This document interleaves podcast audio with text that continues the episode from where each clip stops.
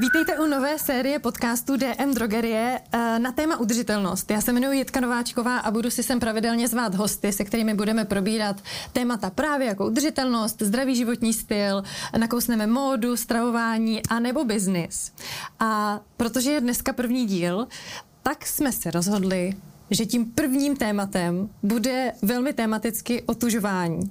A proto mám vedle sebe jednoho z nejpovolenějších hostů a tím je Markéta Čápová, což je spoluzakladatelka spolku Otužilci promrzlé pijavice České Budějovice. Dobrý den. Dobrý den.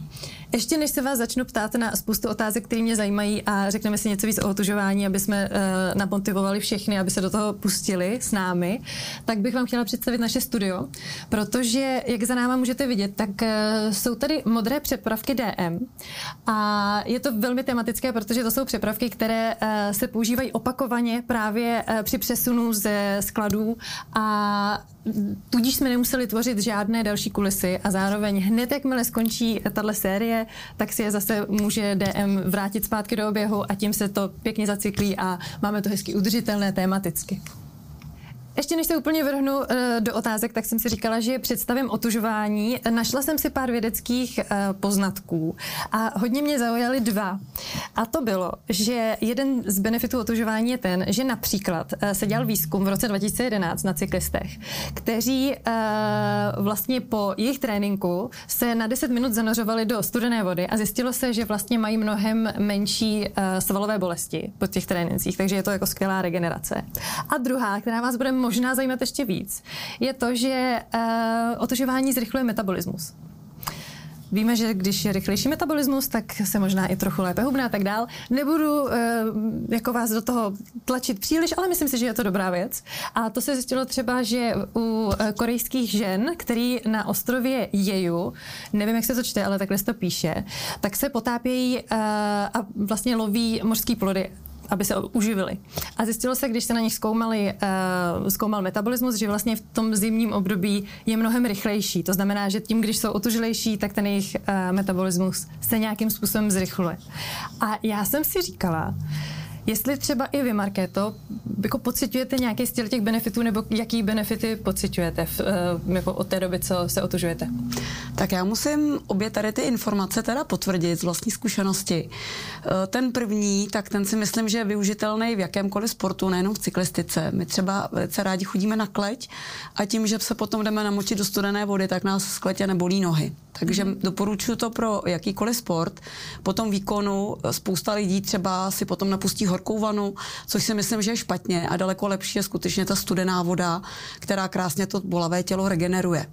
No a co se týče té druhé informace, eh, sice se uvádí, že teda se spálí opravdu hodně, hodně kalorií tím plaváním v ledové vodě, pravda to asi bude, ale je fakt, že člověk má potom obrovský hlad. Takže pak se člověk musí trošičku hlídat, Eh, pokud podá teda nějaký ten výkon a plave třeba delší vzdálenost nebo tam vydrží díl, tak pak opravdu toho hodně sní.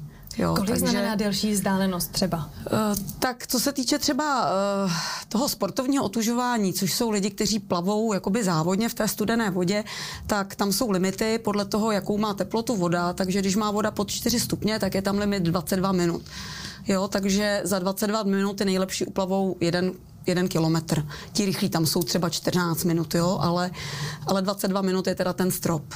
A teď mi řekněte, když říkáte 4 stupně, já mám zkušenost s otužováním a dala jsem 9 stupňů. A byl to jako vlastně úplný vrchol a měla jsem pocit, že už, je, že už jsme podle mě pod nulou. A bylo to pořád 9, což mi nepřijde tak hrozný, když si to hmm. člověk řekne jako na, na eh, teplotu vzduchu. Hmm. Kolik je třeba nejmíň eh, stupňů, který jste někdy? Tak já jsem zažila, že nám to dokonce ukazovalo do mínusu, i když se to zdá jakoby nepravděpodobné. Bývá to na jaře, když eh, tajou ledy a když opravdu uh, se sníh proměňuje ve vodu, tak pak se někdy může stát i to, že se opravdu docílí té hodnoty v mínusu, minus 0,2 třeba, že nám to ukáže. Ale to, co říkáte, že vám 9 přišlo už hodně málo, tak je to spíš o to, že jste na to nebyla úplně zvyklá a že jste neměla tu průpravu jakoby dostatečnou. My třeba teď na podzim taky jako by si zvykáme zase na ten chlad. Obzvláště teď bylo třeba teplý léto, tak nám to chviličku potrvá ale pak vlastně, když už jsme na to zvyklí, tak na jaře, když se pak začne oteplovat, tak uh, si pak říkáme, že 5 stupňů, to už je pohoda, tom se krásně plave. Jo, přitom teď, až nám to spadne na 5, tak to pro nás bude ledový, stejně tak jako pro lidi, co se moc neotužují. Takže jak dlouho trvá třeba se jako dotrénovat, abyste zvládla opravdu tu, tu třeba, řekněme, já bych si nedávala, já asi nebudu mít cíl nuly, ale aspoň těch čtyřech stupňů. Jako kdy člověk vlastně musí začít v tom roce? Tak nejideálnější je začít už v létě. Jo, mm-hmm. ono se to zdá teda takový, jako kde se v létě otužovat, ale základem je vlastně otužování vzduchem.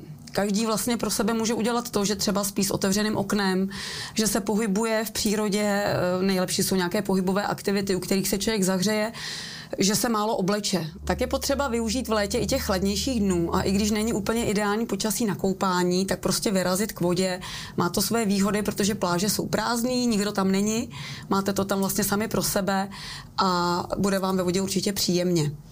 Uh, ideální je potom vydržet i v září, i když už začne voda chladnout, tak se prostě prokoupat až do října. V říjnu tam je to potom už teda znát, protože ta teplota už se pohybuje třeba kolem 12 stupňů. Vydržet, chodit pravidelně a tak se prokoupat vlastně až do té zimy. To znamená, já slyším ještě jeden benefit a to je, že vy vlastně můžete jet na dovolenou mimo sezónu. Máte tak. přesně úplně prázdný pláže přesně a tak. užíváte si to vlastně stejně. Ano. Děláte to? Ano, já mám trošku smůlu, protože jsem učitelka, takže já si nemůžu říct, jako, že odjedu na dovolenou někdy v říjnu nebo v listopadu, ale v podstatě to tak je. A já jsem člověk, který miluje koupání, od jak živa. A to léto je v Čechách poměrně krátký a s tím já teď už nemám problém, takže já se můžu koupat kdykoliv a kdekoliv a, a prostě si to užívám i tady v Čechách. A když jste říkala od jak živa, tak eh, to by mě třeba zajímalo, jak jste se, jak jste se k tomu dostala, k otužování. Tak já nevím, jestli to byl takový jakoby první krok, že vlastně, když mě bylo asi 14-15 let, tak uh, jsme se chodili s partou koupat a já jsem většinou vůbec nevylejzala ven, jo, takže všichni vždycky vylezli, ohřáli se na tom sluníčku, mluvím o létě, o letním říkám období. Právě, jo, jo, jo, začala jste v teple. Začala jsem v teple, ale neměla jsem jakoby uh, potřebu vylízat z vody, jo, takže když jsem ležela si pěkně ve vodě, ostatní byli někde na břehu, tak na mě tak koukali a říkali, je tuleň. A pak mě vlastně několik let všichni říkali jako tuleň, jo. A to jsem o otužování ještě vůbec nic nevěděla, až mě jednou oslovila moje kamarádka, současná předsedkyně našeho otužileckého spolku, a eh, řekla mi, jestli bych s ní nešla se podívat na zárnor otužilců tady eh, na Malák k řece Malši. Tak mě vždycky zajímaly uh, nějaké aktivity, které byly odlišné, tak jsem řekla, že samozřejmě půjdu, tak jsem šla. Bylo to v roce 2014, bylo to v únoru, to znamená uprostřed sezóny. A ta moje kamarádka byla tak odvážná, že hned vlezla do vody. A ona byla natrénovaná? Nebyla. Tak ona ne. v životě nebyla Aha. ve studené vodě, ale prostě si řekla, že to chce zkusit. Eh, měla vlastně v práci svého vlastně kolegu, který jí řekl, že to je skvělý, že to má skvělý benefity, že potom bude radostná. A prostě byla tak odvážná, že do té studené vody hned uprostřed uh, sezóny zalezla. Já jsem tak odvážná nebyla, takže já jsem jim tam zafandila. Nasála jsem tam tu úžasnou atmosféru, která tam tehdy byla. No, tak jsem tam občas jako zašla jim zafandit, ale já jsem člověk poměrně opatrný, takže já jsem si o tom nejdříve něco načetla a pak jsem začala tak, jak říkám, že jsem se přes, nepřestala koupat od léta, prokoupala jsem se vlastně podzimem až do zimy a, a už jsem u toho teda devátou sezónu. Ty blaho. Mně se líbí ještě to slovo prokoupala, protože já si pamatuju, já jsem měla období, kdy uh, jsem se prosprchovala studenou sprchou a máte úplně přesně pravdu, že uh, člověk musel začít v létě, protože tomu nevadí ta studená sprcha. Hmm. Zatímco teďko třeba, teď jsem si zrovna říkala nedávno, že bych uh, znova začala, ale vlastně jak začínáte v zimě studenou sprchou, tak se vám do to úplně nechce. To Takže úplně to chápu. A zároveň teda musím říct, že když jsem se připravovala na, uh, na to, že se potkáme na tenhle podcast, tak, uh, tak mě to teda hodně namotivovalo, protože když jsem si přečetla všechny ty benefity, člověk tak nějak jako tuší, že o otužování je fajn, ale asi když jsem si prostě sedla k, eh, jako k faktům a k tomu, že vlastně i, uh, co jsem koukala na nějaký výzkum, tak to opravdu pomáhá třeba i při nějakém náznaku depresí a podobně, že člověk mm-hmm. je mhm. jako fakt radostnější. Tak musím říct, že uh, jak jak jako uh, můj partner je z Finska, žili jsme v Dánsku a ten uh, se utužuje jako pravidelně.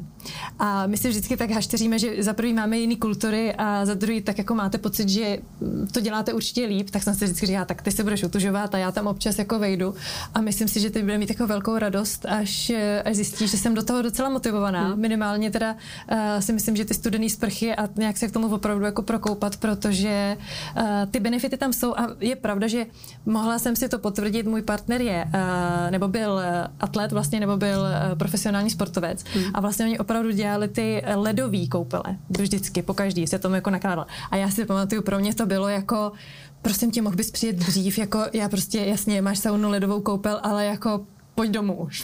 Protože samozřejmě on, tím, tím, že je to jeho práce, tak tím on si prostě o dvě hodiny přijede později. Tak jsem si říká, Ježíš Maria, jak kdyby, jak kdyby tam jezdil jako, jako kdyby si četl. Já jsem to vlastně vůbec nebrala jako součástí práce, ale dělal to vlastně pravidelně celou tu kariéru a potom se vlastně jezdil uh, koupat do těch dánských jezer a to mi přijde taky strašně zajímavé, že tam, jak je zima, hmm. tak ty lidi jsou na to zvyklí, protože jinak by se nikdy na tu pláž nepodívali a ne, hmm. ne, jako ne, nešli tam, že jo? Hmm. Hmm. To určitě.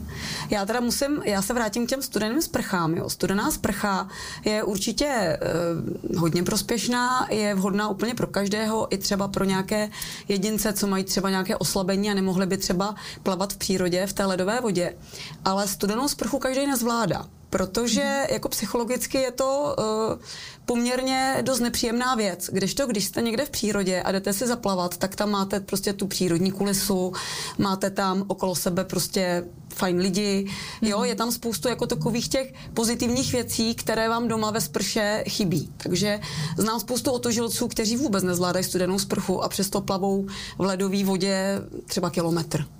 Aha, jako dokážu si představit, že ta parta vás nabudí, že jo? Určitě. Že prostě pokud všichni mm. tam mm. půjdou, ale je třeba ještě, jak jste říkala, eh, že není to pro každýho. Jsou tam nějaký úskalí, na který si musí dát člověk pozor, protože třeba u té sprchy, já si pamatuju, že jsem se někde dočetla, že je vlastně dobrý, když se sprchujete, člověk automaticky vezme sprchu a začne od zhora, ale že by se to mělo právě jít jako, mm. že člověk jde od nohou a musím říct, že je to teda těžší, než jít od zhora, protože to tak jako vezmete a v tom šoku už je jako pozdě, že vlastně když jdete od spodních těch nohou, tak tušíte, co přijde a ten, ten vršek je takový nepříjemný.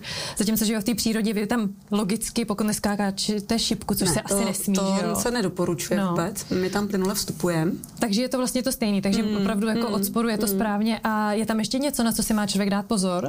Já si myslím, že v těch sprchách byste si ani jako neublížila, pokud byste se sprchovala hnedka od těch ramen, ale bylo by vám to asi víc nepříjemný, protože ty nohy to snesou, ty nohy to prostě zvládnou a doporučuje se, pokud někdo teda opravdu chce vydržet u těch sprch, takže třeba to nemá lámat nějak přes koleno, má se sprchovat třeba jenom po kolena.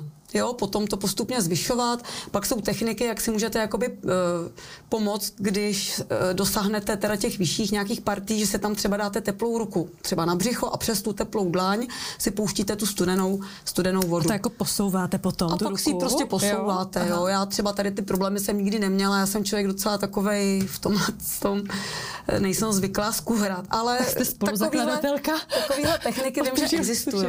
Jo. No. Ale co se týče teda toho potápění přírodě, přírodní vodě, tak tam určitě nedoporučuji skákat. Rozhodně nedoporučuji ani začátečníkám, na, začátečníkům potápět hlavu.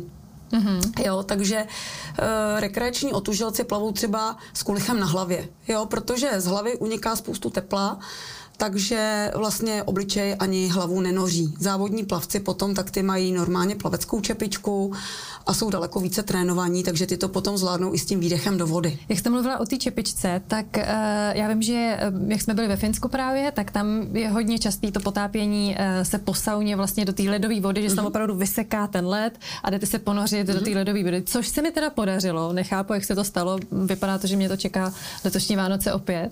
A tam jsem si všimla, že oni mají vlastně čepice, rukavice a, a neoprenové boty. Mm-hmm. Je možný, že i z, teda z těch, nebo čím jako cítíte vy sama, že by vám byla zima na ruce, nebo zkouší, máte to taky, nebo spíš vám stačí tak ta čepice? Jsou tady v podstatě i v Čechách otužilci, se vlastně rozdělujeme jakoby na dvě skupiny. Jsou otužilci, kteří právě používají ty neoprenové jakoby pomůcky, to znamená rukavice, nebo někdo má i neoprenové boty.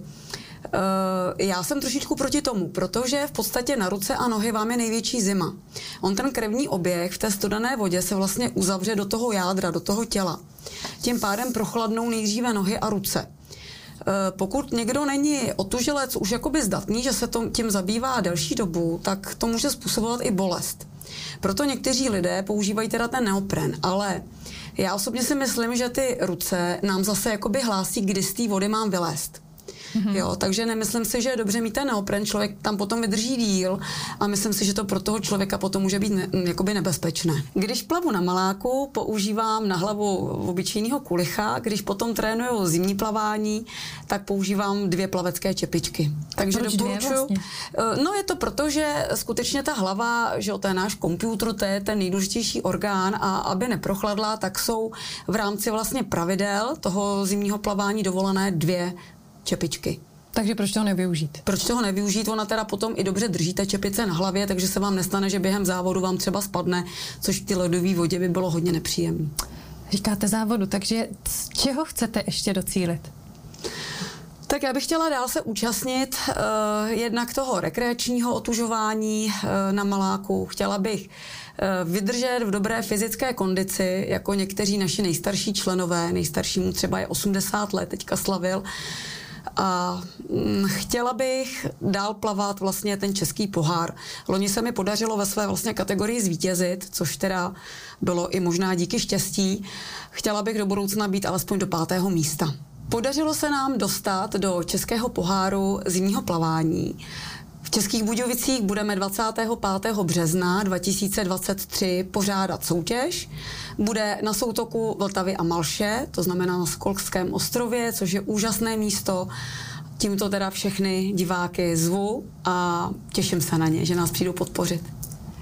Já vám strašně moc děkuji a myslím si, že bychom mohli ještě vlastně tady všem divákům možná trochu zrekapitulovat všechny ty benefity, aby jsme si odnesli co největší motivaci k tomu uh, opravdu začít. Jestli byste nám zkusila schrnout takový za sebe, který si myslíte, že uh, otužování benefity má. Mm-hmm. Je říjen, to znamená, že ještě máte všichni čas na to začít.